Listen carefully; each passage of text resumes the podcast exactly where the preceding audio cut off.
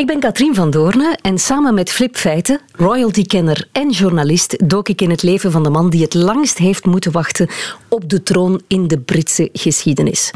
73 jaar, 9 maanden en 8 dagen om precies te zijn. Ik heb het over Charles Philip Arthur George. Ondertussen, zoals we weten, King Charles III. Charles, eindelijk koning. Eindelijk is het zover. Hip hip! Hip hip! Laten we even teruggaan, Flip, naar 8 september 2022. De dood van de Queen, dat lag in de lijn van de verwachtingen, gezien haar gezegende leeftijd van 96 jaar.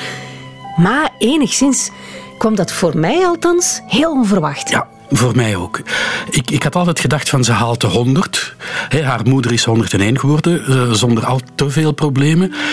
En ja, we wisten wel een beetje dat het slecht met haar ging, eh, met haar gezondheid. En dat was opvallend. Vlak nadat haar man, anderhalf jaar tevoren, Prins Philip, overleden was, ging ze in overdrive. Deed ze van alles. En toen ineens stopte dat. De, de, de, machine haperde.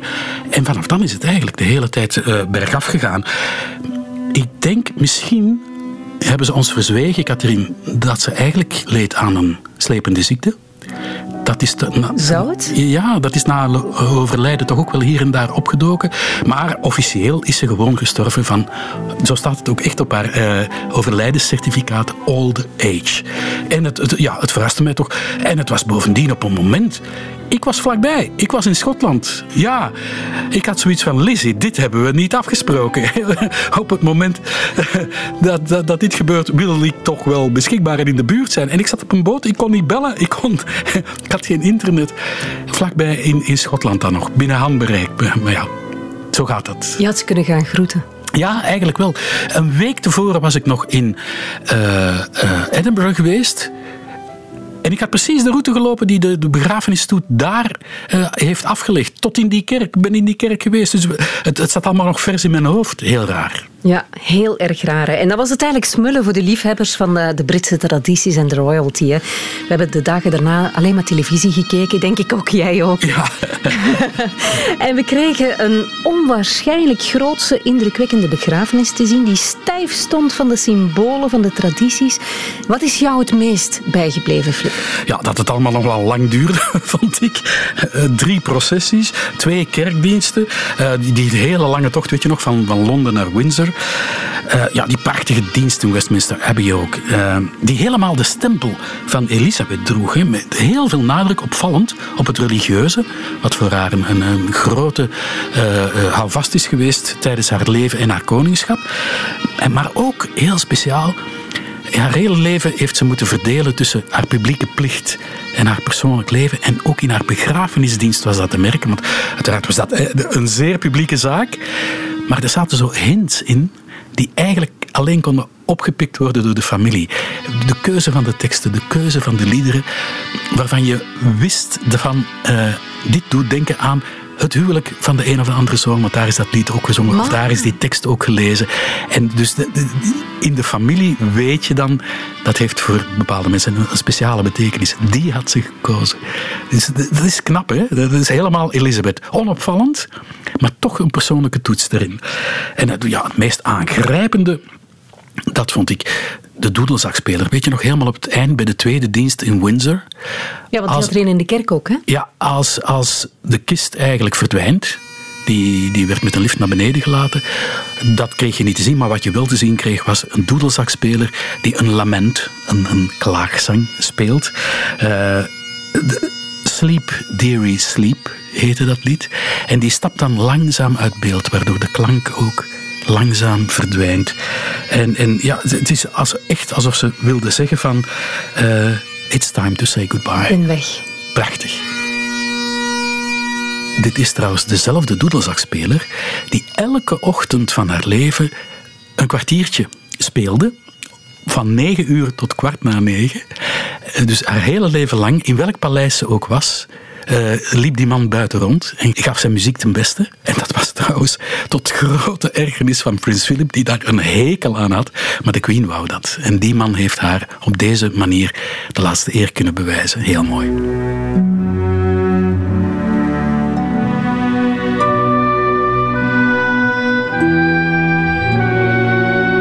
Charles is diezelfde dag toch koning geworden, hè? Flip, die 8 september. Hè? Op de seconde dat de Queen stierf, was Charles koning. Zo gaat dat.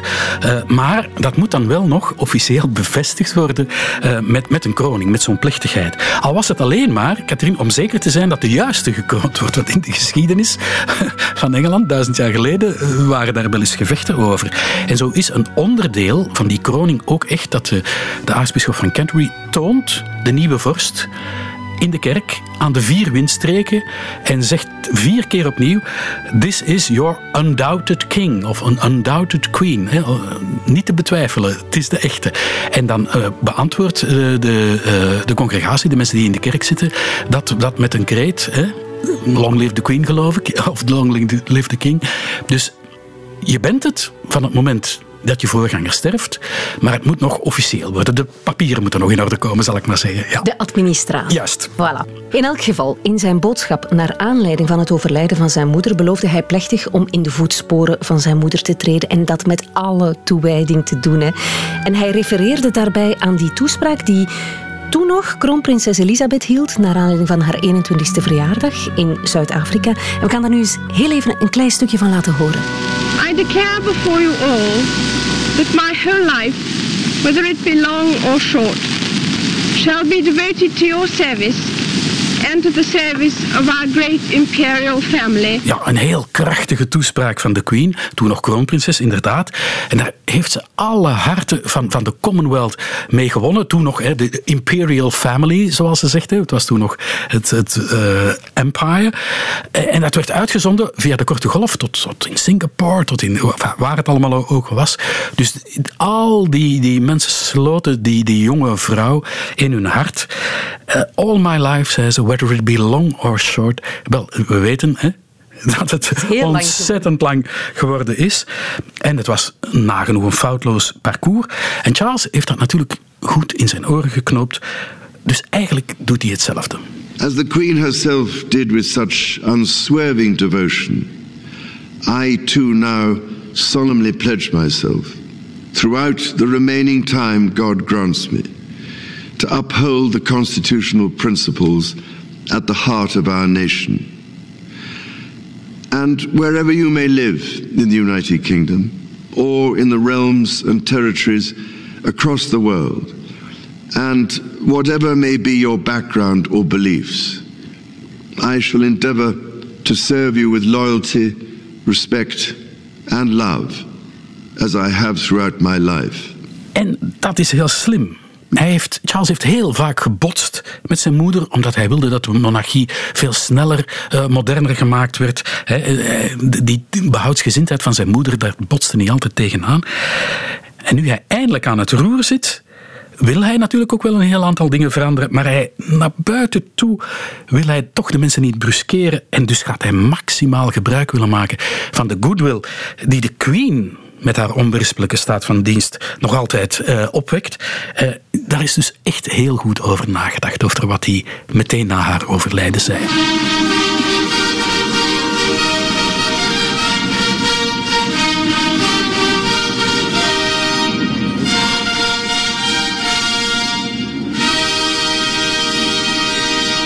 Het hele officiële gedeelte, dat ook ontzettend lang heeft geduurd, ja. dat moest ook nog komen. Hè? Ja, there is the demise of a queen and the creation of a new king. En dat gaat inderdaad gepaard met allerlei uh, uh, ceremonies die vastliggen ook. Um, bijvoorbeeld, de dag na het overlijden van de queen uh, komt de Accession Council. De, hoe moet je dat noemen? De Kroningsraad, zeg maar, bij elkaar. De Raad voor de Troonsbestijging. En uh, die moet dan officieel uh, zeggen van dit is onze nieuwe koning. Er zijn nog, nog toespraken in het parlement. Dat moet allemaal omgeroepen worden, letterlijk. uh, op bepaalde plekken in Londen, op Trafalgar Square, vlak voor de, de, um, de Stock Exchange, hoe noem je dat? De beurs. Door een, een ambtenaar, de Garter King of Arms. en die koninklijke ambtenaar krijgt daarvoor, Katrien, 49,07 pond. Mm -hmm. Dat bedrag ligt al vast sinds de jaren 1830 en daar is geen index op toegepast. Dat is nog altijd even veel.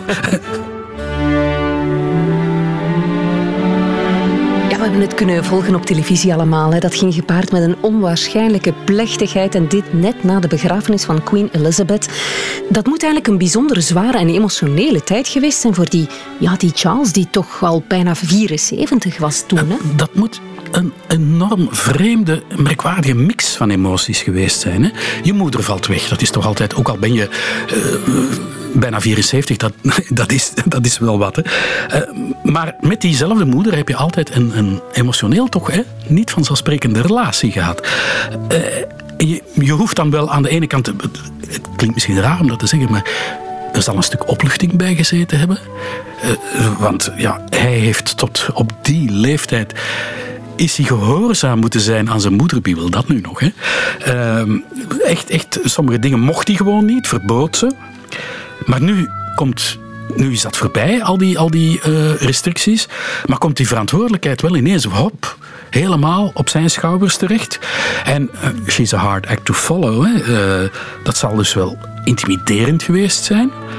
En ja, soms bij die plechtigheden speelt de nervositeit je dan wel parten. En dan val je uit je rol. Bijvoorbeeld toen hij bij verschillende gelegenheden het gastenboek moest ondertekenen, ging er van alles mis. Iets met een datum en iets met een pen. Een pen die lekte. En dan ontdek je de echte Charles.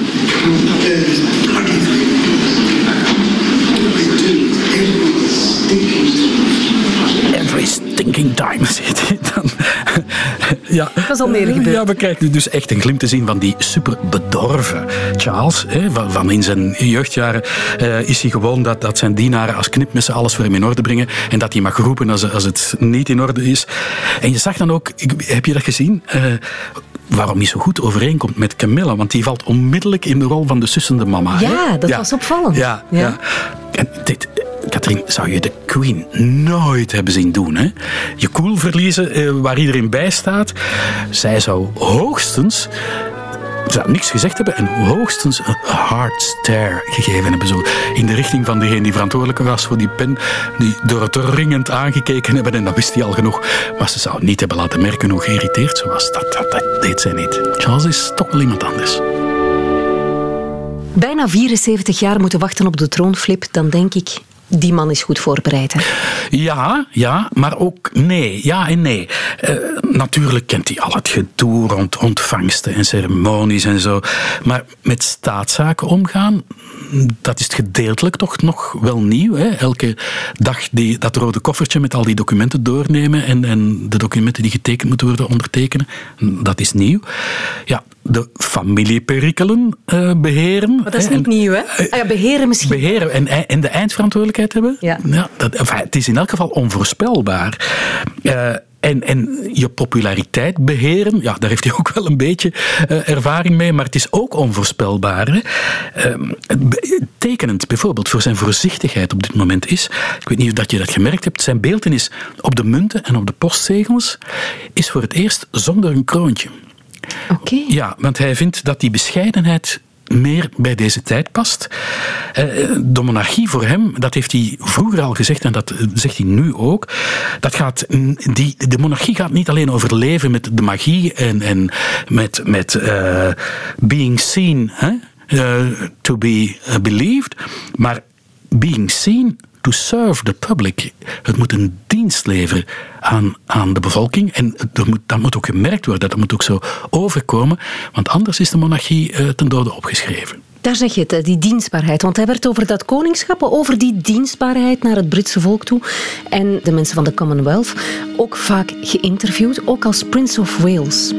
Service is something that you, you give yourself to people, if you know, particularly if they want you, and sometimes if they don't want you, if you feel that you can do something, even if they think that it, you know you're not doing something very useful, and you think you're right there, then you can be of service. Ondertussen, Flip, is hij koning Charles en hebben we Queen Camilla. Ze hebben niet stilgezeten de eerste maanden van het koningschap. Wat hebben ze allemaal gedaan? Oh, ze zijn eh, echt van hot naar haar getrokken. Wij merken dat allemaal niet, want dat, lees je dan in, de Britse pers natuurlijk. Uh, het protocol schrijft voor dat ze meteen na het overlijden van de Queen ook naar de vier countries, heet dat, de vier samenstellende delen van het Verenigd Koninkrijk gaan. Dus naar Schotland, naar Noord-Ierland, naar Wales, naar Engeland zelf. Ja, daar zijn ze sowieso. Ehm, dat staat in het draaiboek. En dus is hij bijvoorbeeld... Uh, hij heeft een, een museum in Glasgow opnieuw geopend. De Burrell Collection. Ehm, dat zes jaar gesloten was door een restauratie. En een project in Aberdeen, waar families wonen uit Afghanistan, Syrië en Oekraïne. Veel nadruk op Schotland, merk je dat? Ja, want, ja, want die moeten erbij gehouden worden. Hè? een beetje charme-offensief. Charme-offensief, maar tegelijkertijd ook diversiteit. Een accent dat hij absoluut ook wil leggen. Hè? Um, jongeren. Ze bezochten bijvoorbeeld, uh, dat, dat, zijn zijn thema's, hè? diversiteit, jongeren. Uh, ze bezochten liefdadigheidsprojecten als Project Zero in, in, in Walthamstow, dat jongeren stimuleert en zorgt voor sociale inclusie. Achterstandswijken, dat is echt helemaal zijn ding. Uh, hij bezocht ook de, de Soedanese gemeenschap in het Verenigd Koninkrijk, naar aanleiding van de 20e verjaardag van het conflict in Darfur. Je, je, ziet meteen nieuwe accenten, mm -hmm. dienstbaarheid, service en zijn stokpaard. Diversiteit, projecten voor jongeren, achterstandswijken. Tussen haakjes, onmerkbaar ook, maar het is wel zo. Een aantal hobby's van de Queen die zijn ineens stilletjes verdwenen, van de kaart geveegd. Eh, dat begint thuis al, de corgis zijn weg. Die, die wonen bij Sarah Ferguson? Ja, ja, en, Prins Andrew, ja. Uh, dure paardenfokkerijen, gedaan, paarden verkocht, gedaan. Uh, en ik voorspel je, er zal veel meer cultuur op de agenda staan. Uh, en Shakespeare en, en nog andere dingen die, ja, die hem gewoon liggen. En waar hij dus ook heel geloofwaardig kan zijn in zijn waardering daarvoor.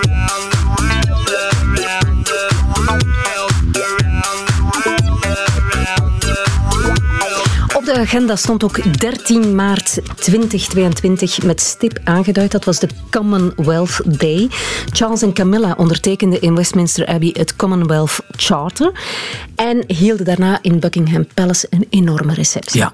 Belangrijk. Ja, belangrijk. En, en de Queen heeft hem een beetje daarvan moeten overtuigen. Want hij, eh, voor de Queen was dat haar levenswerk, hè? de Commonwealth. Het, eh, zeg maar, het vehikel dat er gekomen is om, om het empire te vervangen. al die landen waren geen kolonies meer, maar waren wel ja, een soort van eh, speciaal verband, speciale relaties.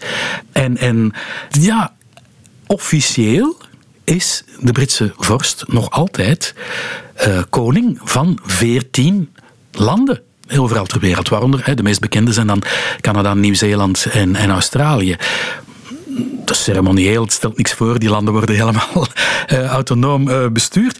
Maar het, het, geeft natuurlijk wel een, een invloed op het wereldtoneel. Hè. De, het Verenigd Koninkrijk kan zo'n beetje diplomatiek boven zijn gewicht boksen. Hè. Dus dat is wel belangrijk. En uh, die landen willen daar een beetje vanaf die vinden dat een beetje ouderwets. En ze, ja, toen de Queen er nog was, deden ze dat niet. Er is eentje die het wel gedaan heeft, Barbados. Die hebben gezegd, dag Queen, wij, willen, wij worden nu echt een republiek met een president, geen, geen koning meer als staatshoofd. Maar er is geweten dat de Bahamas en Belize en Jamaica eigenlijk ook van die koning afvullen.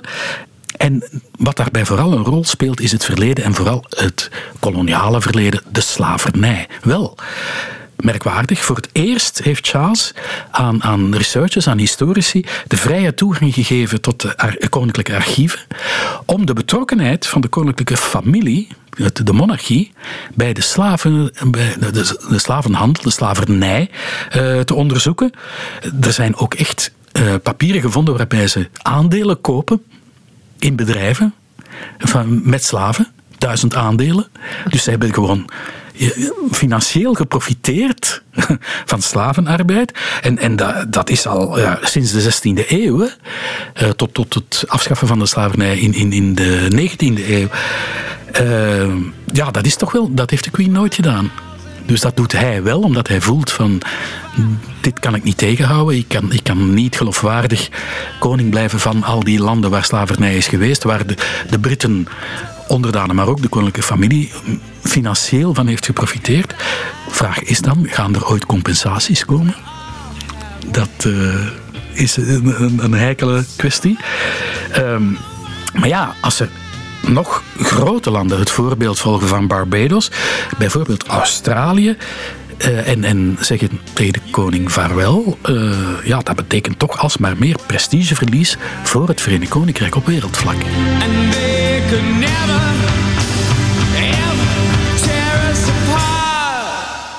Voilà, daarover hebben we het. Hè. Want die uh, aanhoudende schandalen in de familie voeden natuurlijk ook opnieuw dat republikeinse debat in Australië.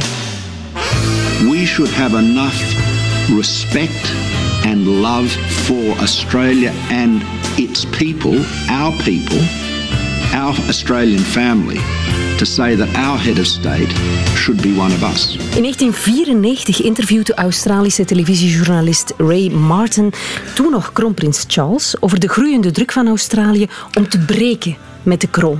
It's up to Australians to decide how they want it to be. It's not up to me to decide.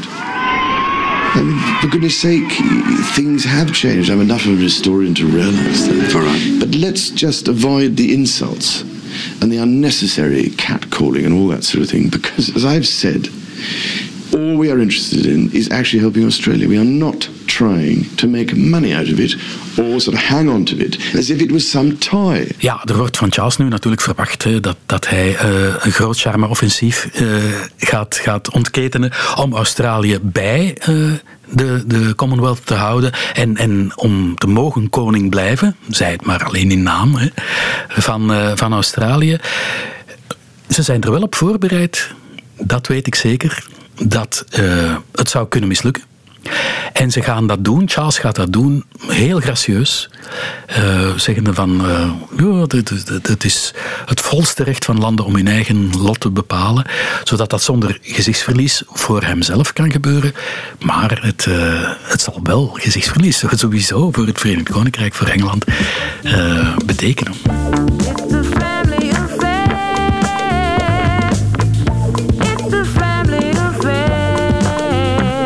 Charles en Camilla hebben niet stilgezeten de eerste negen maanden van een koningschap. Hè. Hoe dan ook. Maar we moeten daar eerlijk over zijn. Hier, bij ons, in de pers, is er weinig over die bezigheden geschreven van Charles III. Zou dat kunnen te maken hebben met deze spelbreker die zijn familie de oorlog heeft verklaard? This was a fight worth fighting for. Juist, Flip. Wij moeten het toch even hebben over die jongste telg van Charles, hè? Uh, Harry prins Harry, en zijn vrouw, Meghan Markle. Zowat de meest gehate vrouw in het Verenigd Koninkrijk ondertussen. Hè? Het paar dat brood nodig vond om tegen een riante vergoeding van Netflix, dat weten we, de vuile was van de koninklijke familie te moeten buitenhangen. Eind 2022 verscheen er de zesdelige serie Harry en Meghan waarin ze allebei hun eigen versie van de feiten, lees de vlucht uit het Verenigd Koninkrijk, verklaarden. From the people closest, we the opposite. Ja, ik ga toch een klein beetje de verdediging van Harry en Meghan uh, op mij nemen. Uh, ze doen het misschien niet op de handigste manier en, en zes afleveringen was misschien wat veel en dan nog eens een boek erbovenop ook. Maar uh, ze hebben hier en daar toch wel een punt hoor. Bijvoorbeeld, de, hij eh, heeft gewezen op het feit dat een, een voormalig staflid tegenbetaling informatie schadelijke informatie die Harry en Meghan in een slecht daglicht moest stellen, gelekt heeft aan de pers. Uh, en nog een tweede beschuldiging van iemand die zelfs nog in dienst was. Daar is nog nooit een antwoord op gekomen. De, niemand heeft dat. Uh, ontkend of bevestigd? Ontkend of bevestigd. Dus there is something going on. En ik zeg het nogmaals, de Britse pers. Die hebben een zwart schaap nodig in de koninklijke familie. Waarom? Dat verkoopt. Dat verkoopt kranten. Ja. Bovendien, Harry en Meghan hebben de Britse kranten processen aangedaan. En een aantal gewonnen ondertussen. Ja, daar maak je niet de beste vrienden mee in de pers. En er is echt een beetje ja, een campagne die in mijn ogen toch uh, ja, wat te ver gaat tegen die twee. Zij hebben een verhaal. Je kan daar kanttekeningen bij plaatsen. Ik vind ook wel dat ze het recht hebben om dingen te melden. Want niet alles is. Uh, niet alles. Er is behoorlijk wat verkeerd gegaan. En ze zijn op verschillende momenten echt erg onheus behandeld. Dat kan je wel zeggen. Alleen, ze moeten ook beseffen, en dat doen ze ook, maar dat trekken ze zich niks van aan, dat die verhalen schadelijk zijn voor de monarchie. Ja. En dan moet je niet verbaasd zijn dat met name William, zijn eigen broer, en zijn vader, die nu koning is en die moet vechten voor eh, zijn imago, ja, dat hem dat niet in, en, eh, en hem en Meghan dat niet in dank afnemen natuurlijk. Dat is nog zacht uitgedrukt. Want de pers in Groot-Brittannië stond echt op zijn kop en de bevolking ook. Hè. Er ontstond eigenlijk een team Charles Co. en een team Harry Co. Uh, de meningen waren verdeeld. En hoewel de Britse royals eigenlijk de lippen stijf op elkaar hielden en niet wilden reageren op de serie, ja, deed het die koninklijke familie daar in Buckingham Palace geen deugd denk ik, hè, Flip, persoonlijk. de Britse koninklijke familie kreeg kritiek van Harry en Meghan, fans en andersom. En Harry die beweerde nogthans dat hij geen slechte bedoelingen had hè, bij dat uitbrengen van deze serie. Zegt hij zelf, hè? I love my father, I love my brother, I love my family. I always, always do. Nothing of what I've done in this book or otherwise has ever been to, uh, any intention to harm them or hurt them. Maar kijk, af en toe een veeg uit de pan, ook naar zijn vader toe, ja, dat kon er wel bij. Hè? It was given an air of being not quite ready for parenthood. The responsibilities, the patience, the time. Even he, though a proud man, would have admitted as much. But single parenthood, Pa was never made for that. To be fair, he tried. Ja, ja, ja. En ik, ik blijf vinden ook, Katrien, dat hij... Uh, ik, heb, ik heb dat boek gelezen, ik heb die serie gezien ik kan daar toch een heel groot stuk in meegaan, in, in wat Harry zegt. En de kritiek die hij op zijn vader geeft, ja, is toch niet helemaal onterecht. Bijvoorbeeld, Charles noemt zijn zoon Harry altijd Darling Boy. Is toch mooi? Ja. Uh, en papa is nooit boos, eh, maar wel droef en teleurgesteld. Maar ondertussen laat Charles de vuile was door de hovelingen doen, hè, eh, door anderen. Dus straffen uitdelen, slecht nieuws brengen, eh, voorstellen afwijzen. Dat mogen de hovelingen in zijn plaats doen. En als Harry dan met zijn vader daarover wil overleggen, dan is Charles onbereikbaar.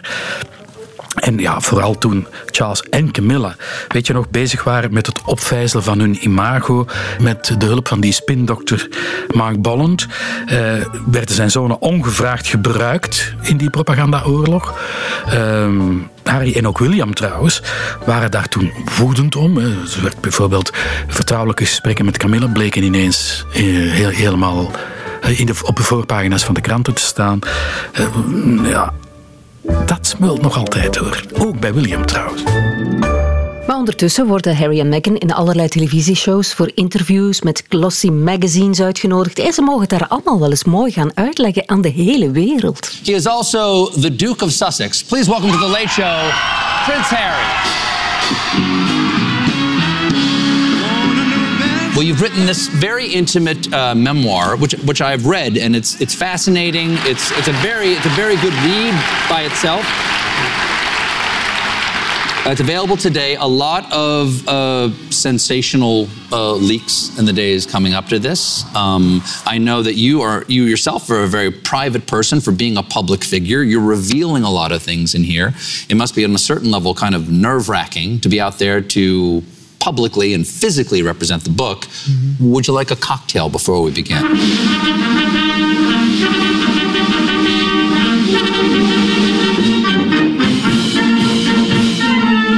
Wat wel de internationale pers haalde, was de eerste overzeese trip die het koningspaar maakte. Dat was naar Duitsland. Dat was eigenlijk niet gepland. Het plan was ook dat ze naar Frankrijk zouden gaan om uh, president Macron te ontmoeten. Maar die reis die werd uh, geannuleerd omwille van uh, de rellen in Parijs en de andere Franse grootsteden door die pensioenhervormingen. Maar goed, het bezoek aan Duitsland, dat ging dus wel door. Ja, ik denk dat ze zelf nog het meest verbaasd geweest zijn over dat ja, enorm succesvolle bezoek aan Duitsland. Niet vergeten, Katrien, eigenlijk de Engelse koninklijke familie zijn eigenlijk Duitsers. Al worden ze daar niet graag aan herinnerd. Al, al in 1714, dus heel lang geleden, toen waren de, de op en dan moesten ze gaan zoeken in de, verre nazaten. En dan eh, George I, die kwam uit Hannover. Dat was dus die sprak ook geen Engels, dat was een Duitser. En, en een eeuw later eh, zowel Queen Victoria als haar echtgenoot Prins Albert waren Duitsers. Eh, Albert was van, van de, de familie von Saxen-Coburg-Gotha, zegt jou dat iets? we, Eh, ja. Die kennen wij, ja, ja, natuurlijk. Dezelfde familie als waar onze eerste Belgische koning Leopold I uitkwam. En ik weet niet of je dat weet, maar in de eerste helft van de vorige eeuw werd aan het Britse Hof gewoon nog Duits gesproken. Nee. Ja, ja. Ehm, dat is nu wel verminderd, maar enfin, Duits is nog altijd, ze kennen het nog goed hoor. Ja, hun, eerste staatsbezoek is een zeer geslaagde uitstap geweest voor allebei, voor Charles en Camilla. Ze werden echt overal met eh, veel egaars ontvangen. Ja, in Hamburg werden ze zelfs eh, een beetje als popsterren ingehaald. Ja. ja, je zei het daarnet nog. eh, er is een tijd geweest dat er Duits aan het Britse Hof werd gesproken. Dat zit er nog altijd goed in, in die genen, denk ik dan. Want Charles die werd uitgenodigd om een toespraak te geven in de Bundestag, het Duitse parlement. En hij haalde er inderdaad zijn beste Duits boven. Hij deed dat zo goed. En ook zijn Britse humor. Sehr geehrter Herr Bundespräsident, ich weiß nicht, wie ich Ihnen für Ihre überaus freundlichen Worte und für Ihre unvergessliche Gastfreundschaft in diesem festlichen Rahmen danken soll. Es ist wunderbar, heute Abend in so großer Gesellschaft zu sein. Und es ist schön von Ihnen, dass äh, Sie gekommen sind und mich nicht mit einem Dinner for One alleine lassen. Ja, en hier eh, blijkt ook een enorm verschil met de Queen. Hè. Die was wel humoristisch. Maar Ze maakte heel af en toe een kurkdroog grapje in haar speeches. Maar Charles is gewoon echt geestig en, en doorspekt zijn eh, toespraken met humor en grapjes. En heel vaak ten koste van zichzelf. En dat gaat erin als koek. Hè. En dan krijg je applaus op alle banken, en Flip.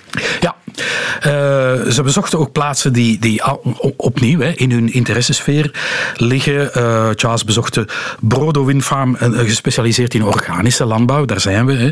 En in de haven van Hamburg een project voor groene energie. Camilla bezocht dan weer een theatergezelschap en, en een school. En er was ook een groot staatsbanket in Berlijn, waar Charles opnieuw een toespraak hield. She keeps in her pretty cabinet. Anthony cake, she says, just like Marie Antoinette. Building a remedy for Khrushchev and Kennedy. And it's an invitation you can't decline. Ja, en groot nieuws, hè, Flip? Het stond op de uitnodiging voor de kroning. Als je die in de bus kreeg, dan wist je het meteen. Queen Consort, Camilla, tussen haakjes, wordt definitief Queen Camilla. Wat betekent nu precies die Queen Consort nu weer? Wel, eh, als je zelf de regerende vorstin bent, dan ben je queen to court. Bijvoorbeeld, Elizabeth. Precies. Hè? De- er waren geen zonen, eh, dus zij volgde haar vader op. Maar zij was de, de monarch, de regerende vorst. En dan ben je queen, zonder toevoeging. Maar als je man de regerende vorst is, ben je ook queen, maar dan ben je aangetrouwd, zal ik maar zeggen. Hè? Een aangetrouwde koningin. Je krijgt de titel van queen omdat jouw man de regerende vorst is. En dan ben je dus queen consort. Aangetrouwd. Het het woord zegt het zelf. Maar, maar dat is ja, een beetje om je status eh, te verduidelijken. Die status van queen consort wil zeggen, jij regeert niet, maar je bent de echtgenote in dit geval hè, van de regerende vorst. Is dat ook om te kunnen zeggen, jij regeert niet, dus jij moeit je niet met Ja, de ja, ja, ja, absoluut. Ja. Ja, ja. En in het geval, neem van eh, Queen Elizabeth, toen was haar echtgenoot, Prins Philip. die wordt dan niet king genoemd, hè? Die wordt prins genoemd, juist om te voorkomen dat hij zich als man gaat moeien met de staatszaken. En Elizabeth heeft dat ook heel strikt gedaan. Prins Philip had zijn neus niet te steken in staatszaken, kreeg de papieren niet te zien. Dat was verboden terrein voor hem. Hij was niet de regerende vorst. In die mate dat hij zelfs nooit koning is genoemd, maar altijd prins Philip is gebleven. Gelatine, dynamite with a laser beam, guaranteed to blow your mind. Maar het is nu officieel, hè? het staat op de uitnodiging van de kroning. Queen Camilla. Ja. Ja, want Queen Consort, dat is, ik zal maar zeggen, de officiële eh, categorie waar eh, Camilla onder valt. Maar ja, dat is, als aanspreektitel is dat een beetje raar. Hè? Dus, dus zeg je Queen Camilla. Ze zijn daar trouwens van bij het begin heel voorzichtig mee geweest. Want herinner je, toen Charles met Camilla trouwde, dan was het overlijden van Diana nog niet zo lang voorbij. En dat lag allemaal nog heel gevoelig. Bijvoorbeeld, hè, hij was prins van Wales. Als hij trouwt met Camilla, dan wordt Camilla eigenlijk Princess of Wales. Maar ja, Princess of Wales, dat was de titel van Diana. Als ze die zich zou toegeëigend hebben, dat, dat zou publicitair een ramp geweest zijn. Zelfs op dat moment zeiden ze van als ooit het moment komt dat Charles koning wordt, dan zal ze als titel waarschijnlijk dragen Princess Consort. Eigenlijk wisten ze toen al dat dat er nooit eh, van zou komen. Maar ze waren zo bang en ze wilden heel voorzichtig zijn en echt voetje voor voetje de Britten laten wennen aan die Camilla als echtgenote hè, van, van de kroonprins, van de troonopvolger. Eh, En uiteindelijk is het Queen Elizabeth geweest, vreemd genoeg. Die Camilla in het begin maar een heel raar mens vond. En, en, eh, hè, want die, die kwam het huwelijk van, van haar zoon met Diana verstoren. Maar ze heeft, Camilla, dat moet je haar nageven, hè, ze, ze heeft de harten gewonnen van de Queen, van Prins Philip. En eh, op het einde van haar leven, nog een jaar voor haar dood, heeft ze laten weten: Mijn wens is dat Camilla wordt aangesproken met Queen Camilla.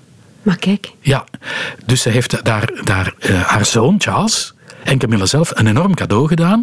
Ja, en tegen, tegen de wens ingaan van Queen Elizabeth, dat is moeilijk. Hè? Dat, de, de- nog, nog de hovelingen, nog de bevolking eh, zou dat doen. En eigenlijk, eigenlijk is het ook heel normaal. Want als je kijkt naar al die Queen concerts die er in de laatste eeuw geweest zijn. Hè? eh, Queen Alexandra, Queen Mary, eh, Queen Elizabeth, the Queen Mother. Het woord concert viel daar niet als aanspreektitel. Hè? Dus eigenlijk is het normaal dat het Queen Camilla wordt. Maar wat een weg heeft ze afgelegd, hè? Dat zeker. Ja. Try not to get worried, try not to turn on to problems that upset you. Well, don't you know everything's alright? Yes, everything's fine. Maar wat nu met de rest van de familie? Hè?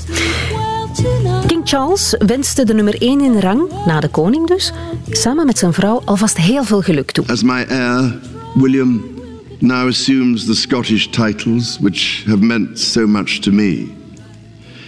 He succeeds me as Duke of Cornwall and takes on the responsibilities for the Duchy of Cornwall, which I have undertaken for more than five decades. Today, I am proud to create him Prince of Wales, Tywysog Cymru, the country whose title I've been so greatly privileged to bear during so much of my life and duty. With Catherine beside him, our new Prince and Princess of Wales will, I know, continue to inspire and lead our national conversations, helping to bring the marginal to the centre ground where vital help can be given. En wat met Harry en Meghan? Die boodschap, Flip, die was opvallend korter, maar ik denk wel gemeend en liefdevol. I want also to express my love for Harry and Meghan as they continue to build their lives overseas. Komt het nog goed met Harry en Meghan? Ik weet het niet. Je hebt, je hebt mensen die denken van, weet je wat, als je kijkt naar de weg die Camilla heeft afgelegd, God weet wat er nog gebeurt. En, en misschien eh, gaan Harry en Meghan erin slagen om op een of andere manier toch eh, de, de, de, de mening over hen te doen keren. Je weet nooit. Decennia lang werd Camilla hè, belaagd en bespot. Ze werd zelfs met broodjes bekogeld op een bepaald moment. Dat was op de parkeerplaats van een supermarkt. Ze kon soms wekenlang haar huis niet uit, omdat ze belegerd werd door de pers. Ehm, ja, de mensen waren echt verschrikkelijk vijandig gezind tegen haar. En kijk eens waar ze nu staat. Dus zeggen, Meghan, dat komt nooit meer goed. Je weet het niet, hè? Je weet het niet. Maar toch, eh, ik denk niet dat je zo gemakkelijk die parallel kan trekken. Ehm, Harry en Meghan gaan sowieso trouwens minder en minder belangrijk worden. Als, als de oudste zoon van William George 16, 17, 18 jaar wordt, dan gaat de belangstelling naar daar gaan. En naar, Spotlight naar, gaat. Ja, de spotlights naar, naar zijn zus Charl- Charlotte en naar, het, misschien, naar dat broertje. Misschien wordt dat wel Louis, hè? Het, het zwarte schaap, de, de Harry van de toekomst. Ja. Ja. Ehm, want ze, ze- gaan meer en meer de limelight, Harry en Meghan, eh, moet, moeten eh, afstaan aan die komende generaties. Het, eh, ja, het zal er allemaal van afhangen hoezeer bijvoorbeeld William de gloeiende ruzie met zijn broer eh, kan relativeren. Ja, en natuurlijk zal het ook afhangen van wat Harry en Meghan nog allemaal gaan uitspoken in de, in de komende tijd. Over eh, ruzie met de broer gesproken. Er is ook nog zo'n Andrew hè, die daar zo wat eh schaapachtig rondloopt nu. Ja, ja. Dat is ook, zal ook een heel moeilijke evenwichtsoefening zijn. Eh, ik denk dat je kan verwachten dat bij alles wat familiegelegenheden zijn, hij wel aanwezig zal zijn. Ehm, de kroning, daar is hij ook bij. Ja, hij is, hij is tenslotte de broer hè, van de koning. Hè. Ehm, maar officiële rol zou mij verbazen. Dat er ooit nog. Ik denk dat. ehm, Terwijl dat voor Anne wel weggelegd is. Hè? ja, maar ja, ja, zwaar. En, en is een apart geval. En, en heeft zo lang eh, het Koningshuis ondersteund. Die werkt ongelooflijk hard. Dat is de, de royal met de meeste engagementen. Ehm, Het is wel een beetje een stuurs en een, en een beetje haar vader. Hè. Eh, iemand niet, niet met het meeste, hoe zal ik het zeggen? Het is geen lachenbekje. maar ze werkt voor dat Koningshuis. En ik denk Schotland en Wales moeten bij de zaak gehouden worden. William is prins van Wales.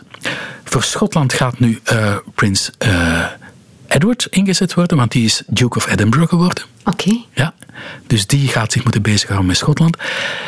En zal ook nog wel een rol krijgen, maar dan zal het stoppen, denk ik. Ik denk dat Andrew eh, niet de beste- Geparkeerd wordt. geparkeerd wordt. Niet de beste vriend van oude broer Charles. En ja, zijn perikelen van de laatste jaren zorgen er niet echt voor dat hij een eh, positieve bijdrage aan het imago van het Koningshuis kan leveren.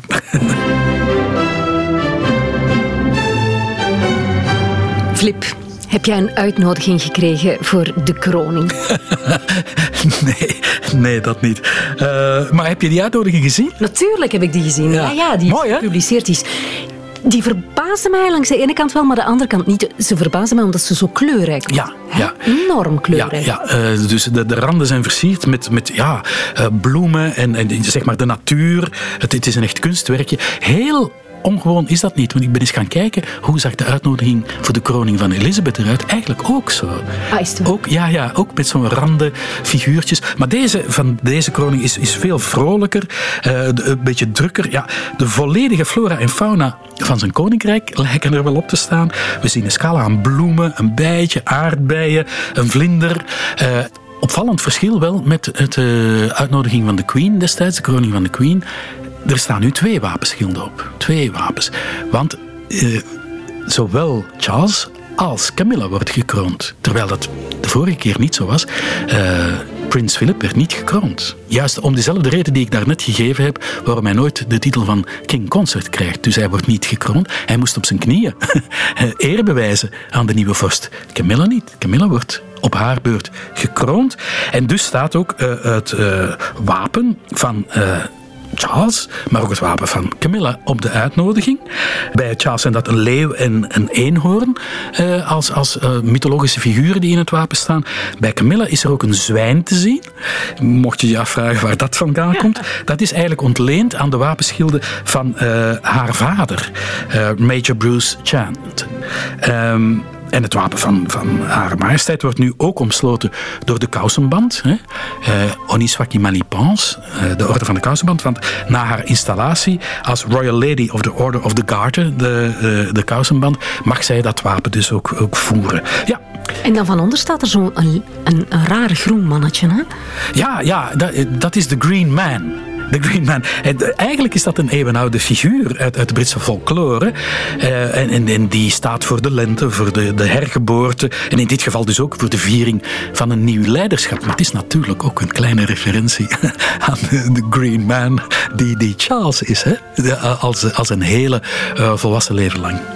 Ja, in die, die nieuwe stijl van, van eh, de koning, eh, de Britten zullen daar eh, aan moeten wennen. En het wordt helemaal duidelijk in zijn kroning, die nieuwe stijl. Maar dat is natuurlijk een heel apart verhaal. Zullen we daar nog een nieuwe aflevering over maken, Katrien, om, om het af te leren? Om het af te leren. Dat is goed, Flip.